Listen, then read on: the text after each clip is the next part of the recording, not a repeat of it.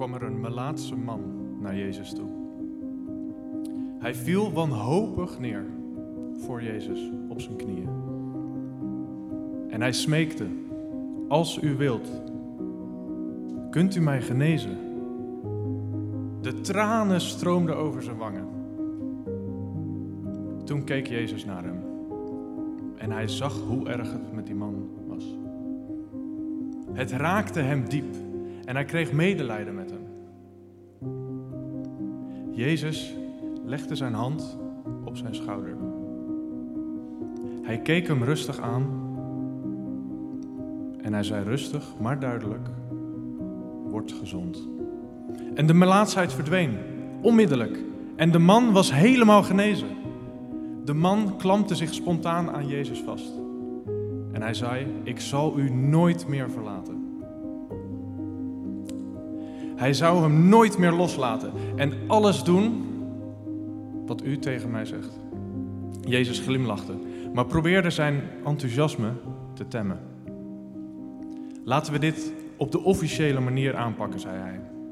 Ga maar naar de priester. Laat je door hem onderzoeken en genezen verklaren. Neem gelijk een dankoffer mee voor God. Op die manier weet iedereen officieel dat je genezen bent. Maar vertel niet dat ik het heb gedaan. Maar de man was zo enthousiast dat hij het niet voor zich kon houden. Overal vertelde hij dat Jezus hem had genezen. Jezus kwam daardoor zo erg in de spotlight dat hij niet meer onopgemerkt een stad binnen kon gaan. Iedereen wilde hem zien, nieuwsgierig naar de wonderen die hij zou doen. Daarom bleef hij maar buiten op het platteland. Maar ook daar wisten de mensen hem te vinden. Op een moment ging Jezus de berg af. En veel mensen liepen met hem mee. En er kwam weer een Melaatse man naar Jezus toe. Die viel voor hem op de knieën, keek naar hem op en zei: Jezus, als u het wilt, kunt u mij genezen. Jezus keek in zijn ogen en hij zag zijn verdriet. Hij legde zijn hand op zijn schouder en zei: Ik wil het. Word weer gezond. Hij had het nog maar net gezegd en de melaatsheid was weer verdwenen. Ook tegen hem zei Jezus: Ga naar de priester, laat je door hem onderzoeken en genezen verklaren. Neem gelijk een dankoffer mee voor God. Op die manier weet officieel iedereen dat je genezen bent. Maar praat er met niemand over.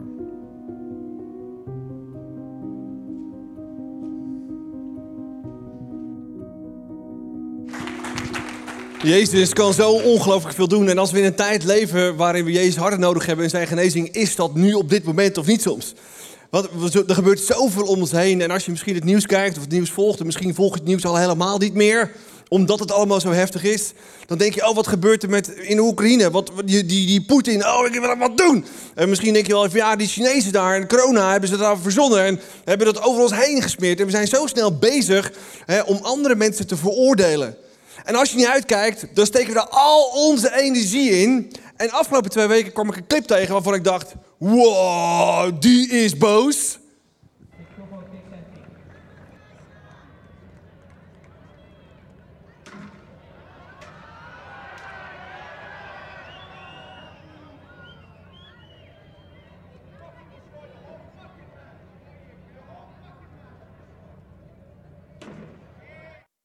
Wauw. Nou, dit is Veeref. Dit was twee weken geleden. En hij was boos omdat er een paar dingen in die wedstrijd niet helemaal gingen zoals hij dat wilde. En misschien gaat het leven ook niet zoals jij dat wilt. En zeg je ook, ah, oh, die Poetin, ik zou hem wat willen doen. En misschien denk je, ja, die Chinezen hebben het maar zo voor elkaar gekregen dat het hierheen komt. En die overmars, hoe kan je dat nou doen? En ja, wat gebeurt door de Russen en Poetin is niet oké. En ja, we moeten meeleven met de Oekraïners. En ja, dat zijn allemaal dingen die niet oké zijn. Maar als je niet uitkijkt, dan wijzen we en dan wijzen we en dan wijzen we en dan wijzen we en dan wijzen we en dan wijzen we en dan wijzen we. Naar wie? Ja, ook naar onszelf. En want als we niet uitkijken, dan duwen we zoveel energie in een oorlog naar andere mensen toe. Terwijl als we de wereld echt beter willen krijgen, waar moeten we dan beginnen?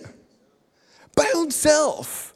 Want we zitten allemaal op dezelfde pagina. We zijn allemaal mens. En we kunnen allemaal op het verkeerde tijdstip, op het verkeerde moment, de dingen doen waarvan je ooit gedacht had dat je ze nooit zou doen.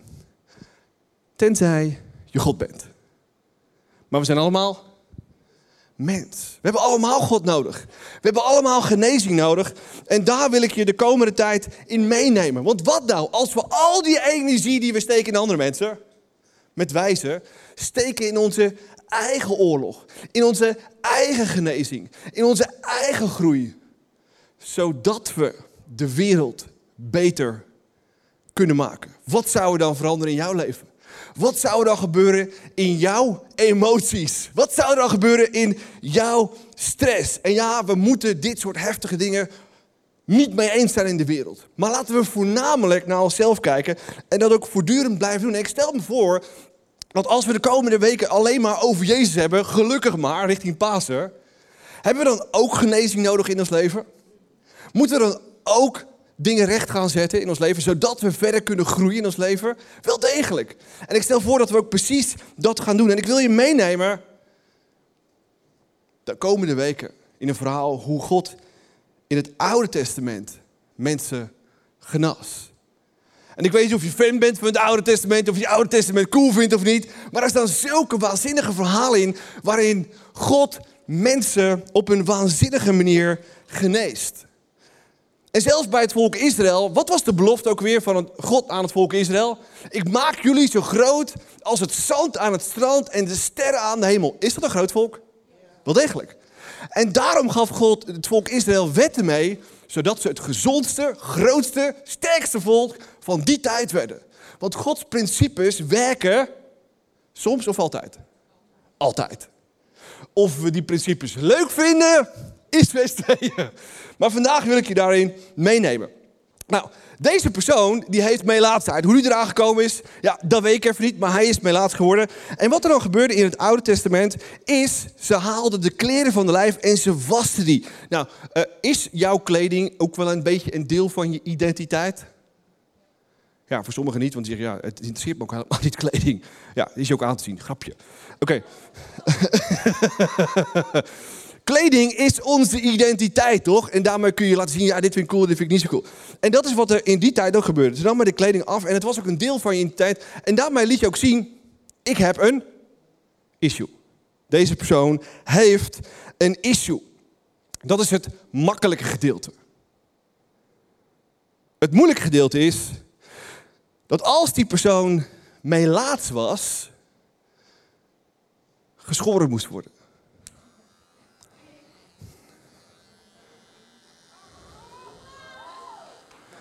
Die persoon liet eigenlijk aan de hele wereld zien: ik heb een issue. Nou, ik weet dat dat niet zo heel erg cool is om deze tijd hè, publiekelijk aan alles en iedereen te laten zien dat je een issue hebt. Maar als je wilt genezen in het Oude Testament, ah, laten we eerlijk zijn, ook in het Nieuwe Testament, moet je dan eigenlijk zeggen: ik heb een issue. Ja, dus deze persoon zegt vandaag: Ik heb een issue, ik ben melaats, ik heb Gods genezing nodig. En ik geloof ook in Gods genezing. En hij gaat me ook genezen. En ik ga ervaren hoe op die dat op een fantastische manier gaat doen. Nou, applausje voor deze persoon, toch? Wat een held is dit. Amazing. Ik vind dat ik het zelf eigenlijk ook best wel oké doe. Vind je niet? Ja. ja, hier moeten we eventjes opletten. Ja. Nou, je kunt je voorstellen dat dit ook inderdaad het moeilijkste punt is van waar je dus in je proces zit. Nou, en ik durf te zeggen dat we allemaal issues hebben. Dat we allemaal Gods genezing hebben. Maar de grote vraag is, durven we er... Zullen we het zo laten? Ja. durven we er eerlijk over te zijn... en net zo in het Oude Testament te laten zien aan alles en iedereen... ik ben ziek ik heb een probleem. En ik heb Gods genezing nodig. En dat is waar bovenal en als eerste vaak genezing begint. Waarin je eerlijk durft te zijn over je eigen plek in je leven, over het eigen situatie. Of het nou fysiek is, waarin je letterlijk ziek bent. Of misschien wel issues in je leven hebt, waardoor je emoties overhoop gegooid worden. Of misschien wel mentaal ziek bent en je weet, ik heb echt Gods hulp, heb ik nodig. Ik heb zijn genezing diep in mijn hart, diep in mijn ziel, diep in mijn lijf en diep in alles wat ik heb nodig. Ik kan niet zonder Hem. Laatste stukje. Deze persoon zegt. Ik, applaus.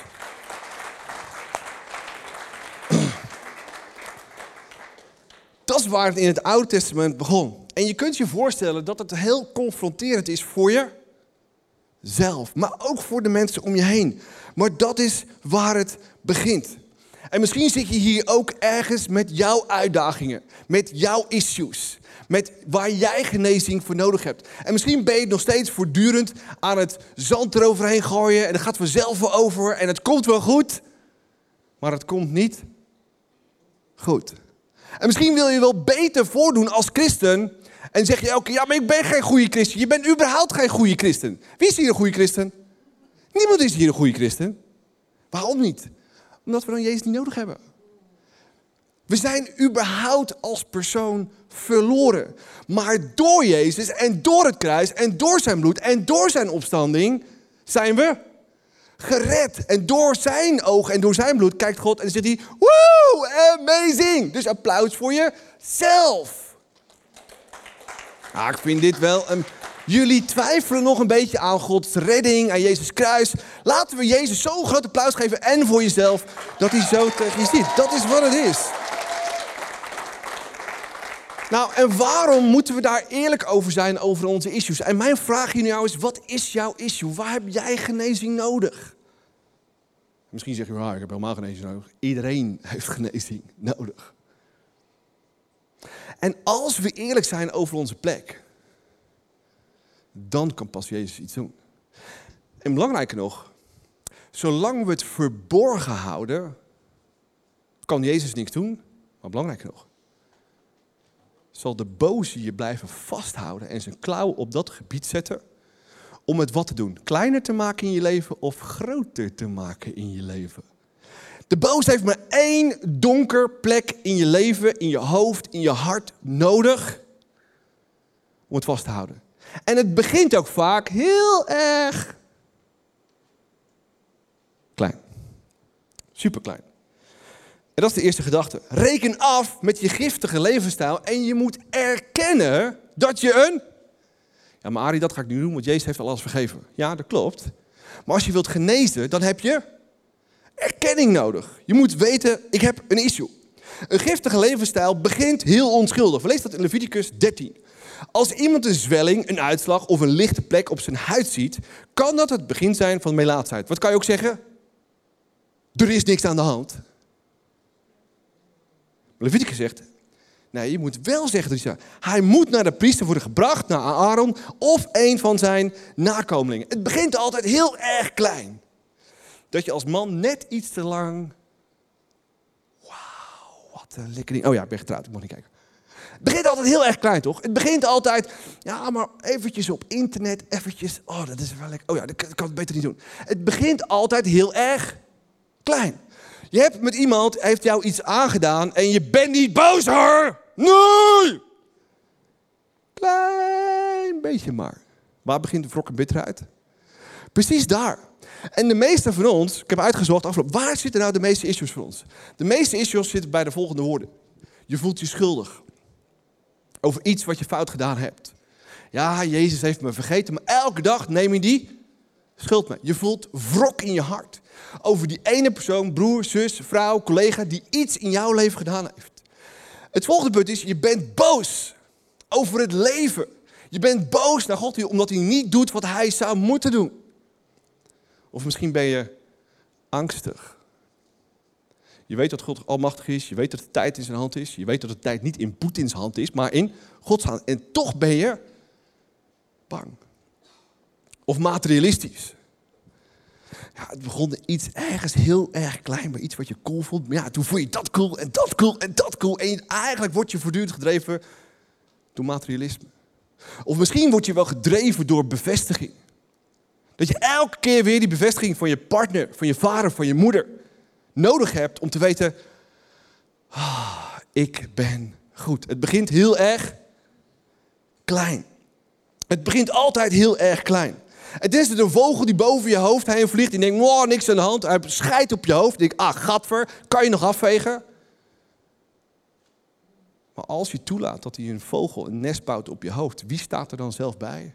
Ja, wij zelf. Wij moeten eerlijk zijn en dat niet toelaten. Het volgende is, het begint je aan te tasten. Kirst, lezen we verder. Maar als er wild vlees groeit, moet hij melaat en onrein worden verklaard. En wij zijn mensen, we hebben wat in ons leven en we zeggen nog steeds, niks aan de hand hoor. niks aan de hand hoor. Nou, gaat goed. Ja, gaat super. Gaat super. Gaat super. Heb je hulp nodig? Nee, ik het zelf wel. En we moeten eerlijk zijn over wat er gebeurt. En ik heb in het Oude Testament gelezen dat er nogal wat mensen waren waarin de dingen heel erg klein begonnen. Farao, Biliam, Achan, Saul, Judas. Zoveel mensen die zeiden, nee, ik heb geen issue hoor. Nee, er is niks. Nee, kom wel goed. Het komt niet goed. We hebben zijn genezing nodig. En bij Farao zagen we precies hetzelfde. God waarschuwde hem hoeveel keer? Ja, tien keer. Jozef, Mozes zei, laat mijn mensen gaan. En hij zag tien waanzinnige wonderen van God gewoon voor zijn ogen gebeuren. En nog zegt hij, nou, laat maar. We moeten eerlijk zijn. En het volgende is, het maakt je kapot. Want als iemand zulke wonden heeft, is het toch een huidziekte. De plekken zijn onrein.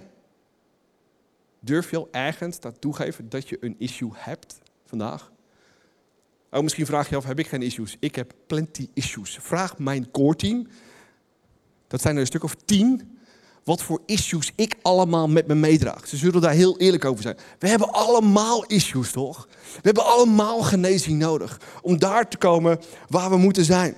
En de duivel heeft maar een heel klein stukje nodig. Eén klein gebied in je hoofd, gedachten, in je hart, gevoelens. Of in je ziel over wie je bent. En de rest is history. Waar hebben we zijn genezing super hard nodig? Het gebeurt, verleiding, altijd heel erg klein. Is verleiding altijd heel erg verleidelijk? Er zijn sommige mensen, ja, maar ik, ik, ik, ik word niet verleid hoor. Verleiding is verleidelijk. Altijd. We lezen zoiets in het Oude Testament. Misschien kent het allemaal het verhaal van Jozef en Potifar. Jozef, een van de zonen. En hij gaat daar ergens, wordt hij uiteindelijk bij Potifar ten dienst gesteld. En Potifar ziet dat hij zo waanzinnig doet. En, en, en Jozef doet het zo ontzettend goed. Alleen hij is een hele coole jonge dude van 16, 17 jaar. Good looking, six-pack, alles erop en eraan. En de vrouw van Potifar. Die dacht, ja, ik heb een leuke vent, maar hij is bijna nooit thuis. En ja, weet je, uh, ja. Hey, uh, Jozef. Jozef! Ze doet wat andere kleding aan, ze doet een beetje lipstick op. Jozef! Jozef! You are so beautiful to me. En uh, Jozef denkt, uh, waar is hier de nooduitgang? Kun je, kun, je, kun je verleiding weerstaan? Nee, verleiding kun je niet weerstaan. Wat, wat is de enige oplossing voor verleiding? Wegrennen. Dus Jozef, die went weg. En wat doet ze? You are so beautiful. Roosje in de mond. Oh, en... Oh, Jozef. Wat denk je als we... Wat was we nou samen lekker... Je kunt verleiding niet weerstaan. En de boze weet het. En ook deze vrouw gaat verder. En strekt nog meer kleding uit. Jozef. Ah, wat denk je ervan? Je weet het, hè? Potifar is nu de hele week weg. Dus we kunnen alles doen en laten wat we willen. Woehoehoe! Beloof je dat we niet verder gaan dan deze sluiten? Verleiding is real. Verleiding is altijd echt en om ons heen. En we moeten weten dat we alleen maar kunnen wegrennen. Zonde begint altijd klein en onschuldig. Wat is er klein en onschuldig in ons leven gekomen? De volgende gedachte is: reken af met je giftige levensstijl door te bekennen dat je een issue hebt. Als de priester die open wonden ziet, moet hij verklaren dat die persoon onrein is. Wie vindt het cool om bij de dokter te komen om te horen: dit is niet oké? Wie vindt het cool om tegen mensen om je heen te zeggen: hey, ja, ik, ik heb eigenlijk wel een issue? Vind ik hem niet cool. Maar pas als we het bekennen, dan kan er iets gebeuren. En ik heb in mijn hele leven vaak mensen dingen zien bekennen. Aan God. Is dat een goed, goed vertrekpunt? Ja. Jezus, ik heb een issue. Ja, ik weet het. Ik heb je mensen om je heen gegeven die je kunnen helpen. Ja, nee, maar ik wil heel exclusief geholpen worden door u. I know. Die mensen zijn ook exclusief. Ja, maar Jezus, ik... Uh... Succes ermee. Vaak willen we heel exclusief geholpen worden door Jezus, toch? Want dan hoeven we het niet te bekennen, dan hoeven we niet eerlijk over zijn met mensen. Maar God zegt, ik wil dat je juist wel alles bekent dat je een issue hebt. Ik wil wel dat je zegt, ik heb mensen nodig. Ik wil wel dat je zegt, ik heb hulp nodig. Ik ben mijn laatst, ik ben kaal, mijn kleren zijn weg, ik heb, ik heb hulp nodig. Pas dan krijg je echte genezing. En ik zie zoveel mensen. Ja, God, mijn doel, mijn roeping, mijn issues, vertel het me. God zegt, ik heb je mensen gegeven. Durf te vertrouwen. Durf die mensen op sleeptouw te nemen en je verder te helpen daar waar je komen moet. Maar durven we eerlijk te zijn naar onszelf. Leviticus staat, als iemand een huidziekte heeft, moet roepen, ik ben onrein! Ik ben onrein! Zolang hij een huidziekte heeft. Zie je jezelf daar al lopen? Confronterend, hè? Maar dat is wel wat het is. Dat je toegeeft, ik heb een issue. En als je dat toegeeft, dan komt er direct licht in je leven. Direct Gods licht in je leven. En direct kan de boze zijn klauw daar niet meer op vastzetten. En kan er genezing gaan plaatsvinden. Maar durven we zo eerlijk te zijn? Ik heb zoveel mensen gezien, ook mezelf door de jaren heen als pastor. Mensen zeggen, ja, ik, heb, ik, heb, ik heb geen issue. Nee, dat valt best wel mee. nee, dat valt best wel mee. En de ene smoes naar de andere smoes. En misschien ken je jezelf wel of de mensen om je heen. Je weet dat we een issue hebben, maar de ene smoes naar de andere smoes. De ene smoes naar de andere smoes. We moeten eerlijk durven te zijn. En misschien zeg je, ja maar ik, Adi, ik heb het al zo vaak bekend. Ik heb al zo vaak mensen mijn verhaal verteld. Precies. Dat is wat hoop is. Of Jezus het nu doet. Of volgende week of volgend jaar. We willen natuurlijk altijd nu, toch? Nu. Nu. Nu. Nu. Als het niet nu is, dan worden we boos. Ja, lijkt, lijkt mijn kinderen wel. Als mijn kinderen nu niet krijgen wat ze willen, dan worden ze boos. Zelfs de jongste, die begint bij elke overgang, alles wat ze niet krijgt. Maar we moeten eerlijk zijn. Laten we die hoop vasthouden. Jezus, ik heb u elke dag nodig. Misschien geest u niet vandaag, dan wel morgen, dan wel volgende week. En anders als ik bij u ben voor eeuwig. Dat is hoop. Dat is afhankelijkheid. En precies dat is wat God wilt in ons leven. De volgende is, accepteer. dat je een issue hebt. Accepteer dat je redding nodig hebt. En accepteer dat God je kan helpen. En accepteer dat mensen jou kunnen helpen. Ik wil je meenemen in een verhaal hoe dat in het Oude Testament ging. Als je laatst was, lezen we net, moesten we naar de priester toe. En als we bij die priester waren, dan, dan waren daar twee duiven.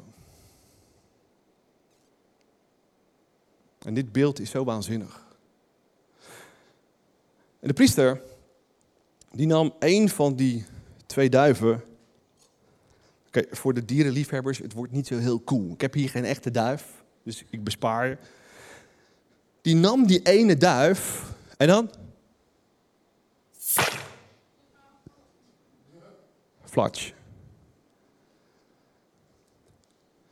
Is zonde in ons leven vaak heftig?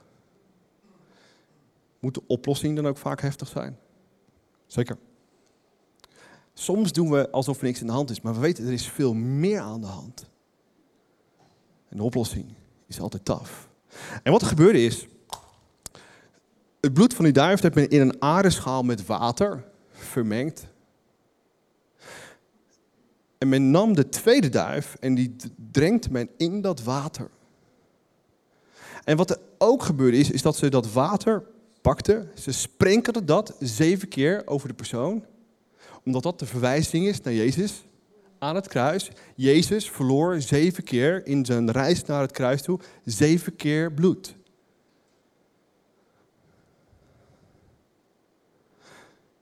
En men wist, en de persoon wist, als ik naar Jezus toe ga, als ik naar de priester toe ga, weet ik, mijn zonden kunnen pas weggenomen worden als er iets of iemand sterft. Maar het bloed van Jezus geeft me vrijheid. En de opstandingskracht van Jezus heb ik tot mijn beschikking om echt vrij te zijn. En men pakte die tweede duif. Woem! Wauw! Echte vrijheid. Echte verlossing. En dat is de kracht van het kruis. Dat is de kracht van Jezus' opstanding. En wij hebben die kracht ook tot onze beschikking. Door wat? Door wat? Door de Heilige Geest. Als je Jezus in je leven haalt, dan zegelt hij je met de Heilige Geest. Zodat zowel de goddelijke wereld kan zien, dit is een zoon of dochter van God. Zowel ook de boze wereld kan zien, oh oh, dit is de zoon of dochter van God. Je bent gezegeld. En je hebt automatisch een eeuwig leven. Wie is er nog bang voor de dood? ik vind het niet zo cool, maar het beste moet er komen, dames en heren. Jullie tekenen, breken nog steeds niet die tent af hier zo. Het is maar tijdelijk, dames en heren. Het beste moet nog komen. Lees het woord van God. Het beste moet nog komen. Oké, breek de tent af. Jongens, come on. Come on. Gelukkig zit er een eind aan de ellende in ons leven en ook deze wereld. En het tweede is, we kunnen, omdat we Gods geest hebben, lezen we in Gods woord, omdat we dus Gods heilige geest in ons hebben, zeggen, tegen de zon in ons leven, tak, tak, tak, tak, tak, tak, tak, tak, tak, so goes it not. En als je dat doet, zeg oké, en nu stap ik er ook echt uit die gewoonte en denken en doen. En ja, maar zeg je, maar dat is heel moeilijk. Toch? Is dat easy? Is niet zo easy. Maar pas als je het gelooft, figuurlijk doorsnijdt en dan pas de stap zet, wanneer komt Gods kracht? Als je denkt, als je het, als je in je hoofd doorknipt, of als je het pas echt uitstapt. Als je het uitstapt. Ja, maar daar heb ik geloof voor nodig. Ik vind het eigenlijk wel zo lekker om zo te voelen en te denken en lekker te zeiken, zeuren en zadiken. Toch? Maar je hebt die kracht in je. En pas als je het wilt, weet, erkent, bekent, accepteert en uitstapt, boem, dan heb je pas zijn kracht te pakken. En niet eerder. Ja, maar daar heb ik vertrouwen voor nodig. Yep. Had Jezus vertrouwen nodig in God dat hij hem na drie dagen liet opstaan uit de dood? Here you go. Heb je daar veel vertrouwen voor nodig om op te staan uit de dood? Yep. Hebben jullie soms issue waar je heel veel vertrouwen voor nodig hebt? Dat als je pas actie onderneemt, dat er dan pas Gods geest released in je leven en dat er dan pas iets gaat gebeuren? Zeker. Precies hetzelfde. Ben Jezus precies hetzelfde? Ja, precies hetzelfde. Mens is een mens. We zitten allemaal op dezelfde pagina. Pas dan gaat er echt iets veranderen. En weet je wat zo cool is? Dat als die eerste duif in het water werd... Sorry, dat als die tweede duif in het water werd gedoopt... gingen er drie dingen mee in het water in. Hout, wat staat voor het? Kruis. Rood scharlaken, wat staat voor? Bloed van Jezus. We hebben het hier over 1400 jaar voordat Jezus stierf. Hè? Is dat niet cool? Als je je afvraagt, waar is God door de tijden heen? Hier is God door de tijden heen, niet meer en niet minder. En het derde wat er ook in het water ging was hyssop. Een kruid. Wat staat voor nederigheid. Heb je nederigheid nodig om te accepteren dat je een issue hebt? Heb je nederigheid nodig als Jezus om aan het kruis te gaan? En te zeggen, niet mijn wil, maar uw wil. Heb je nederigheid nodig om af te komen van jouw issues? Oh, dan is jij stil. Grapje. Tuurlijk hebben we allemaal nederigheid nodig. En precies dat is wat we nodig hebben. Precies dat is wat we nodig hebben. Precies dat is wat we nodig hebben. Laten we kijken naar de laatste gedachte. Reken af met je giftige levensstijl door actie te ondernemen. Dit vinden mensen cool, toch? Wie wil er graag in actie komen? Ja, maar ik heb het al druk. Ja, mijn baan. Ja, maar mijn gezin. Ik heb vannacht net geslapen. Ja, maar moet ik dan weer? Je komt er alleen maar af als je actie onderneemt. De genezene moest zijn kleren wassen en al zijn haar afscheren. Hij bad een badnemer, sorry, een badnemer in het kamp terugkeren. En eenmaal in het kamp moet hij nog zeven dagen buiten zijn tent blijven. Ik wil het volgende gedachte in je hart planten voor de komende weken. Wat zouden mensen denken als ze je inderdaad zo zouden zien? Wat nou als je eerlijk wordt de komende weken richting Pasen? Over mijn issue. Over onze issues. Wat nou als onze kleding vervangen werd en gewassen en andere kleding kregen? Wat nou als we hier eerlijk zouden zijn over onze uitdagingen? Wat nou als we al onze energie zouden steken? Niet naar het wijzen in anderen, maar simpelweg tegen Jezus zeggen, Jezus, ik heb mijn uitdagingen. Ik heb uw hulp, ik heb uw rust, ik heb uw genezing nodig. Wat zou er gebeuren? Wat zou gebeuren als je het doet? Misschien zeg je, ja, maar eh, wat denk je wat mensen ervan zeggen? Ja, maar wat zou Jezus ervan zeggen? Misschien zou hij zeggen, hey Gino, zo moedig. Nu je open en eerlijk bent en je zegt dat je mij nodig hebt. Nu pas kan ik je helpen. En dat is de eeuwige wet van God. Als we open en eerlijk zijn, dan pas kan God genezen. Als we open en eerlijk zijn naar de mensen om ons heen, dan pas kunnen we die mensen helpen. Dat is wat we nodig hebben. Openheid, eerlijkheid. Ik heb een issue. Thanks, Gino.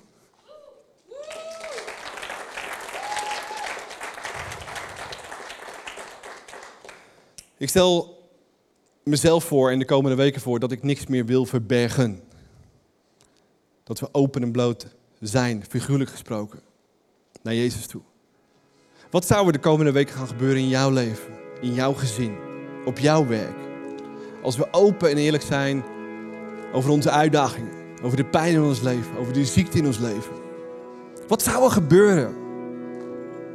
Nou, misschien zouden mensen zeggen, ah, who cares? Jezus stierf publiekelijk aan een kruis. En wat zou er gebeuren als we publiekelijk zouden zeggen: Ja, ik heb ook een paar issues. Maar weet je wat? Mijn Jezus is mijn genezer. En de mensen om mij heen heb ik nodig. Om daar te komen waar Jezus mij wilt hebben. De Grieken hadden heel veel goden, toch? Ik wil er twee uithalen. De eerste is Chronos. En de god van Chronos die stond voor je leven. Je wordt geboren, je gaat naar school toe, eh, je leert je liefje kennen, je, je, gaat trouwen, je krijgt kinderen de rest van je leven. Eigenlijk de dingen die God ons geeft. En ja, de Grieken waren op zoek naar hun God.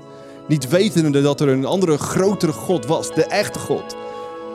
Die je verder kon helpen. Maar er is ook een God van Kairos voor hun als Grieken. En de God van Kairos is timing. Timing. Waarin de Grieken wisten, er is timing in je leven. Soms komen dingen in je leven als een kans. En als je hem kan grijpen, dan grijp je hem. Grijp je hem niet, dan gaat het voorbij en mis je een kans. De Grieken wisten niet dat er een echte God was. Die van ze hield, van hun levensloop. Maar ook een God van kansen die je geeft. En zoals je kunt zien, de God van Kairos heeft haar aan de voorkant. De Grieken wisten als er een moment komt, dan zie ik die God voor me en dan pak ik hem bij zijn haren.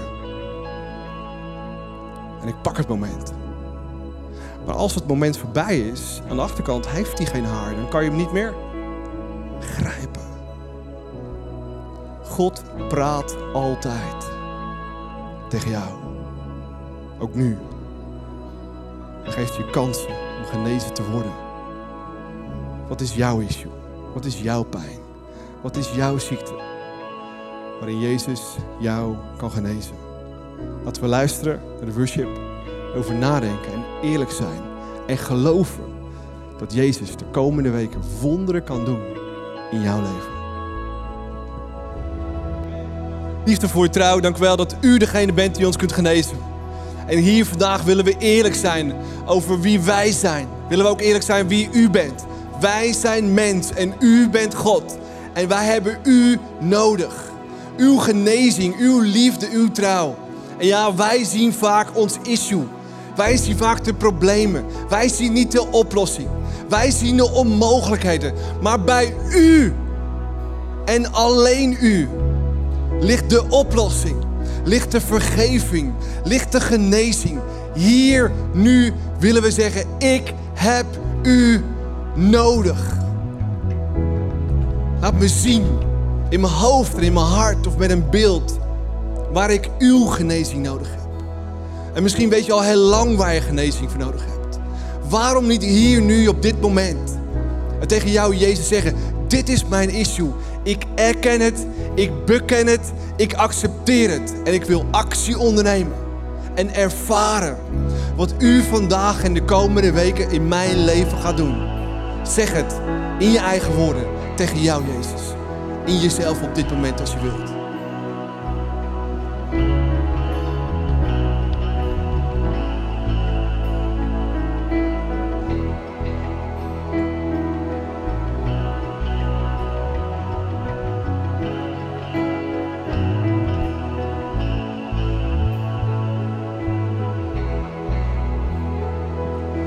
Jezus, dank u wel dat u ons gehoord hebt. Dank u wel dat u elk gebed in uw hart sluit. En Jezus, we willen hier elke dag, elke week mee bezig zijn. Om zelf uit onze issues te komen, samen met u, samen met de mensen hier. Om eerlijk te zijn. Steeds te blijven groeien. Jezus, we zeggen hier, ik heb u nodig. Jezus, we zeggen ook, we hebben uw kerk nodig, uw mensen. Om eerlijk te zijn voor hulp, gebed, genade, vriendschap, hoop. Alles heeft u in uw kerk gelegd. We hebben u en uw kerk nodig om sterk te zijn, sterk te blijven. En Jezus, we spreken uit, uw naam is boven alle namen. Uw kracht is boven elke andere kracht. Uw macht is boven elke andere kracht. En ik heb u nodig. Laten we Jezus een ongelooflijk groot applaus geven.